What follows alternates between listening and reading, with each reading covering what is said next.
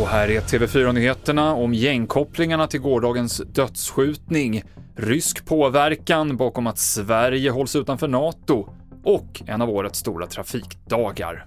Polisen har ännu inte gripit någon misstänkt för dödsskjutningen i Skärholmen igår kväll. Enligt uppgifter till TV4 Nyheterna så kopplas mordoffret, en man i 30-årsåldern, till det kriminella Vårbynätverket i södra Stockholm. Marjuka Rantala, som bor i området, tycker det är obehagligt att skjutningen inträffade under kvällstid och inte på natten. Det brukar ju vara på nätterna när man sover, men eh, liksom klockan åtta kanske man kommer någonstans ifrån och, och det är precis mitt i här där man ska gå. Så det, det börjar kännas läskigt. Att Sverige fortsatt hålls utanför NATO ligger i Rysslands intresse och det är mycket möjligt att det finns en tyst överenskommelse mellan Vladimir Putin och Turkiets president Erdogan om att göra det svårt för Sverige att bli fullvärdig medlem.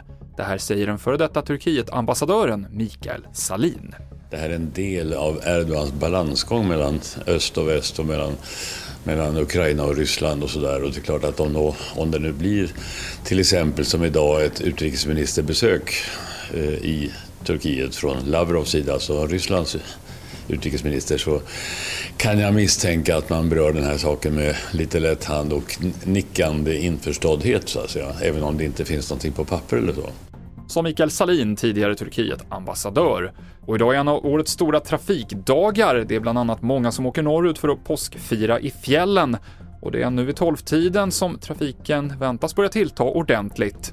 Men även om det är många som väljer E4 och E45 norrut så är det att föredra framför att ge sig ut på mindre vägar, säger Bengt Olsson på Trafikverket. Och så fort man kommer in med, med, på andra vägar, som till exempel, vi har ju nummer på alla vägar i Sverige, alla som är tresiffriga, fyrsiffriga, de är smalare, eh, halkbekämpas mm. lite mer sällan, även om de halkbekämpas. Så det gör det att, att där stoppar alltid trafiken upp på ett eller annat sätt och så blir det köer. Och vi direktrapporterar om det som händer ute på vägarna nu under eftermiddagen på tv4.se.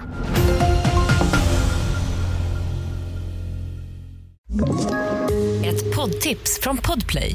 I fallen jag aldrig glömmer djupdyker Hasse Aro i arbetet bakom några av Sveriges mest uppseendeväckande brottsutredningar. Går vi in med hemlig telefonavlyssning och, och då upplever vi att vi får en total förändring av hans beteende. Vad är det som händer nu? Vem är det som läcker? Och så säger han att jag är kriminell, jag har varit kriminell i hela mitt liv men att mörda ett barn, där går min gräns. Nya säsongen av Fallen jag aldrig glömmer på Podplay.